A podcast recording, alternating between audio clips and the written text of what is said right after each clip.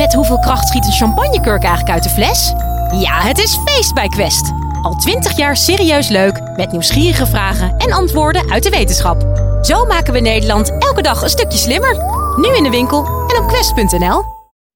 Wist jij dat een van de belangrijkste wetenschappers aller tijden gewoon uit Nederland komt? Anthony van Leeuwenhoek. De Universiteit van Nederland neemt je mee in de wereld van deze Delftse lakenhandelaar die op zijn zolderkamertje bacteriën ontdekte. Met zijn zelfgemaakte microscooplens. Je hoort alles over hem en vijf Delftse wetenschappers van nu die in zijn diepe voetsporen treden. De zesdelige podcast Een wereld vol geheimen. Luister hem nu in je favoriete podcast-app. Universiteit van Nederland.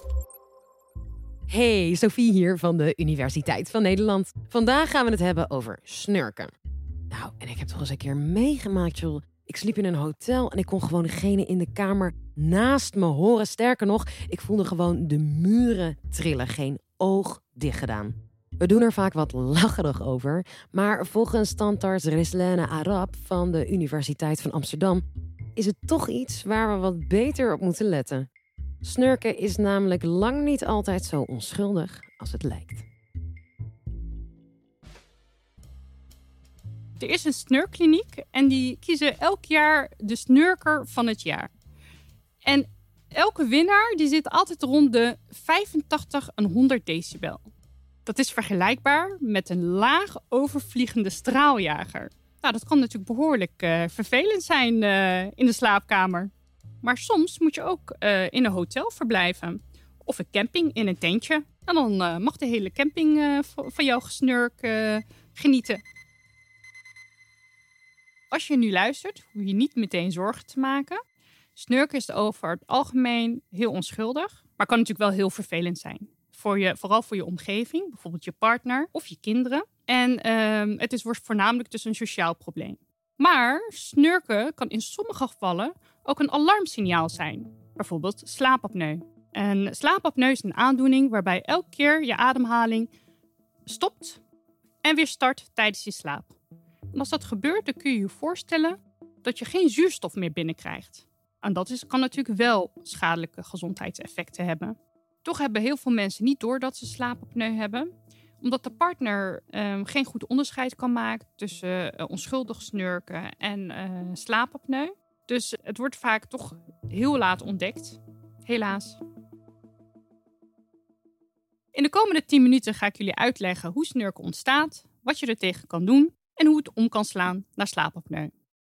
Het snurken kan veroorzaakt worden door structuren in de mond die de luchtweg vernauwen. En dat kun je je best voorstellen als je in de spiegel kijkt en je doet je mond uh, wijd open. Kijk maar even of je goed in je keel kan kijken. En bij sommige patiënten lukt dat niet eens. Dan kun je niet eens naar achteren kijken. Of ze hebben zulke grote keelamandelen dat eigenlijk alles al bijna potdicht zit. En gelukkig gaat het overdag uh, nog goed, want we kunnen dan behoorlijk uh, compenseren met spierspanning. Als je gaat slapen, verslappen al je spieren in je lichaam. En inclusief dus de spieren in de keelholte. Dan kan de lucht er niet makkelijk doorheen. En dan gaan ook nog eens al die slappe weefsels gaan dan trillen. En dat trilgeluid, dat klinkt als gesnurk. Je kunt het eigenlijk vergelijken met het leeglopen van een vol ballonnetje. Iets minder gepiept natuurlijk. Nou, er zijn verschillende factoren die bijdragen aan het snurken. Overgewicht. Want wat gebeurt er als je overgewicht hebt? Dan wordt er ook vet opgeslagen in de halsregio. En dat veroorzaakt weer voor vernauwing van de luchtweg. Dan kun je dus meer gaan snurken, zoals ik net heb uitgelegd. Alcohol en roken, wat uh, veel mensen graag doen, uh, vooral in het weekend. Um, alcohol en roken zorgen voor ontspanning, voor nog meer ontspanning van die zachte weefsels, waardoor snurken weer enorm kan toenemen. Die zachte weefsels in de keelholte. Slapen op je rug kan ook snurken doen toenemen, want door de zwaartekracht kan er meer druk uh, komen te staan op je luchtweg. Krijg je dus eigenlijk nog meer vernauwing en hoor je dus meer snurkgeluiden. Een verstopte neus, Denk aan een verkoudheid of bij allergieën. Dan kan ook de luchtstroom belemmeren. En dan ontstaat de snurkgeluid dus voornamelijk vanuit de neus.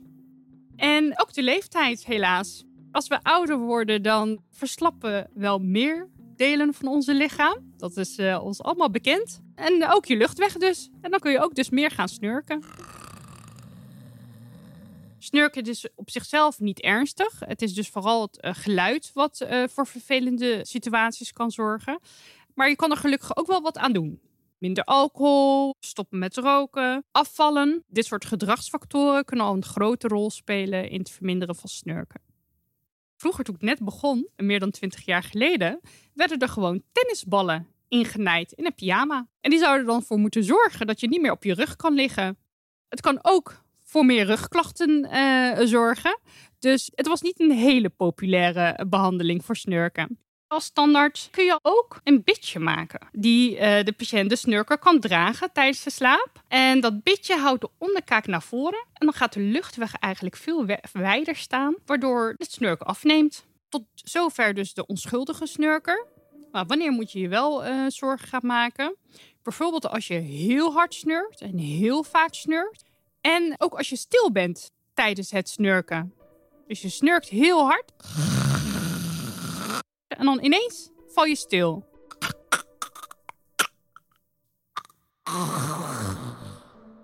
Iemand die altijd snurkt, heel hard en ineens stil is, dat betekent dat de lucht er niet meer doorheen kan. Want zolang de lucht er doorheen kan, horen we nog die trillingen uh, als snurkgeluid. Maar als de lucht er niet meer doorheen kan, dan is er dus een ademstop. En dat kan natuurlijk als gevolg hebben dat uh, het lichaam elke keer uh, geen zuurstof krijgt. Dat noemen we obstructieve slaapapneu. Slaapapneu, daar is onderzoek naar gedaan in Nederland. En uh, daar komt een percentage uit van ongeveer 6%. Dat is best wel een hoog percentage.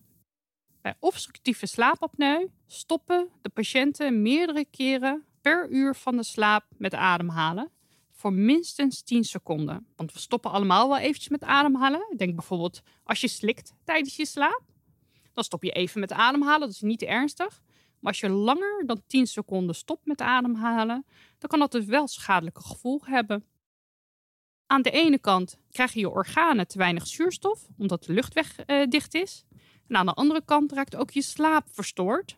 Eigenlijk uh, is je lichaam de hele nacht heel hard aan het werk om dat probleem uh, op te lossen van in je luchtweg. Want die is dichtgevallen. Die moet eigenlijk weer heel snel open, zodat die organen weer snel zuurstof krijgen. Uh, wat de hersenen doen is eigenlijk uh, steeds een beetje wakker worden om die spieren weer aan te spannen. Zodat de luchtweg open wordt getrokken. Nou, omdat je dan de hele nacht aanstaat, word je in de ochtend wakker en denk je, heb ik nou echt geslapen? Want ik ben echt super, super moe kapot ben ik. Maar je ziet dan toch, als je naar de tijd kijkt, dat je zeven of acht uur hebt geslapen. Maar dat komt eigenlijk gewoon omdat je hersenen niet tot rust komen tijdens de slaap. Krijgt onvoldoende diepe slaap, omdat ze eigenlijk constant aanstaan om die luchtweg open te houden. Want als dat niet zou gebeuren, nou ja, dan zou de luchtweg dicht blijven. En in het meest ernstige geval zou je dus dood kunnen gaan tijdens je slaap, omdat je niet voldoende lucht krijgt. Als je dat nacht in, nacht uit uh, hebt over jaren heen, kan dat natuurlijk wel een opstapeling geven uh, van uh, problemen, gezondheidsproblemen op lange termijn. Je ziet bijvoorbeeld slaapapneupatiënten hebben vaker hart- en vaatziekten. hebben ook vaker, het is ook gelinkt aan diabetes. Er zijn zelfs tekenen van dat het um, gelinkt is aan de progressie van kanker. Patiënten met obstructieve slaapapneu die kunnen ook klachten hebben als uh, overmatige slaperigheid overdag, vermoeidheid overdag. Die kunnen concentratieproblemen krijgen, maar ook hele ernstige gevolgen kan hebben. Denk bijvoorbeeld als patiënten achter het stuur in slaap vallen en dus uh, verkeersongelukken veroorzaken of uh, bedrijfsongevallen veroorzaken. Um, dus het heeft wel degelijk op uh, lange termijn een schadelijk effect op je algemene gezondheid. En dan is één nacht niet zo erg. En dan is één maand misschien ook nog niet zo erg. Maar als je dat jaren achtereen hebt, zonder dat je weet dat je slaapapneu hebt, ja, dan zijn de gezondheidsproblemen eigenlijk niet te overzien. Dat, dat zorgt voor zoveel extra belasting van je gezondheid. Dus het is echt super belangrijk dat obstructief slaapapneu in een vroeg stadium wordt ontdekt. En uh, dat is een enorme opgave, want patiënten herkennen het vaak zelf niet. Aantal vrijgezellen neemt uh, alleen maar toe, dus dat wordt alleen maar lastiger als er geen partners zijn of directe omgeving die dat opmerkt. Maar ook omdat de huisartsen bijvoorbeeld niet herkennen. klachten uh, die slaapapneu-patiënten hebben, die zijn aan de ene kant specifiek, maar aan de andere kant ook niet. Want ja, iedereen is wel uh, moe overdag. En het kan gekoppeld worden aan zoveel andere medische problemen. Patiënten komen soms met burn-out-achtige klachten bij de huisarts en wordt het niet meteen gelinkt aan uh, obstructieve slaapapneu. Dus er is een enorme wachttijd voordat uh, de patiënt zich meldt bij de medische specialist voor de behandeling. En dat heeft natuurlijk enorme gevolgen voor onze maatschappij. En uh, gezondheidszorg ook. Want het komt ook wel eens voor dat de patiënt pas wordt ontdekt als hij op de intensive care ligt. Nou, dat is natuurlijk veel te laat. Als iemand daar bijvoorbeeld voor een hartinfarct zit, als gevolg mogelijk van al die jaren zuurstofgebrek tijdens de slaap. Wie zou bijvoorbeeld slaapapneu in een vroeg stadium kunnen herkennen? De tandarts. Want wij zien in tegenstelling tot de huisartsen een gezonde populatie. Eigenlijk een, een populatie die geen klachten heeft.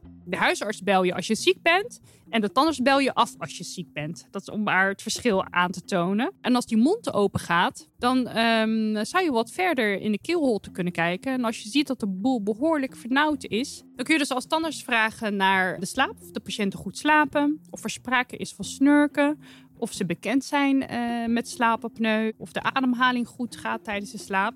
Ja, en als ze enkele alarmsignalen zijn, uh, zou je die patiënt kunnen doorverwijzen naar de huisarts om te kijken of er daadwerkelijk sprake is van obstructieve slaapapneu.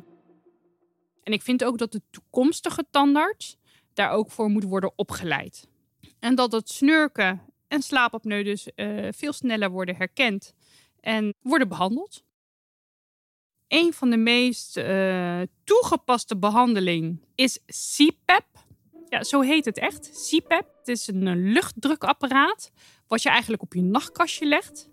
En dat luchtdrukapparaat is verbonden met een slang. En je slaapt met een masker op je neus met dat apparaat aan. Het apparaat blaast eigenlijk je luchtweg open. Die passeert alle blokkades die er zijn, alle vernauwingen.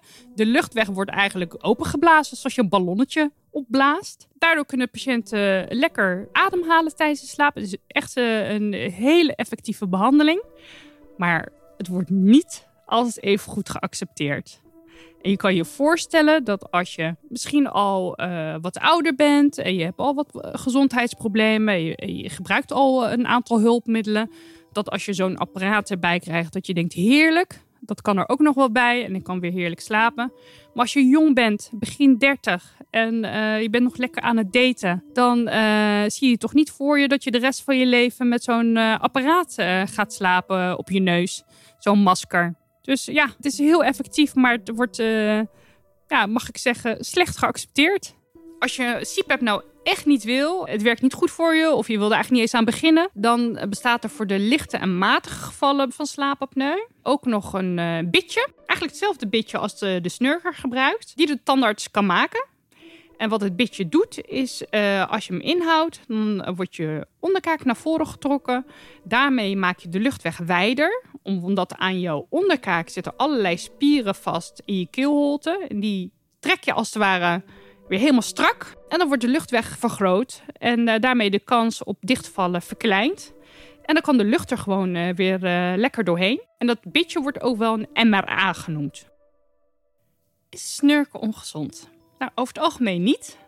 Snurken is over het algemeen heel onschuldig. Maar kan ook een signaal zijn van een veel ernstiger probleem. En dat is slaapapneu. Dankjewel, Rislen. Mocht ik volgende keer weer eens wakker liggen van hard gesnurk, dan zal ik er misschien toch wat minder grapjes over maken. En ben jij nu aan het luisteren en is het toevallig s'avonds laat? Maak je niet al te druk. Slaap lekker en snurk zachtjes. Bedankt voor het luisteren.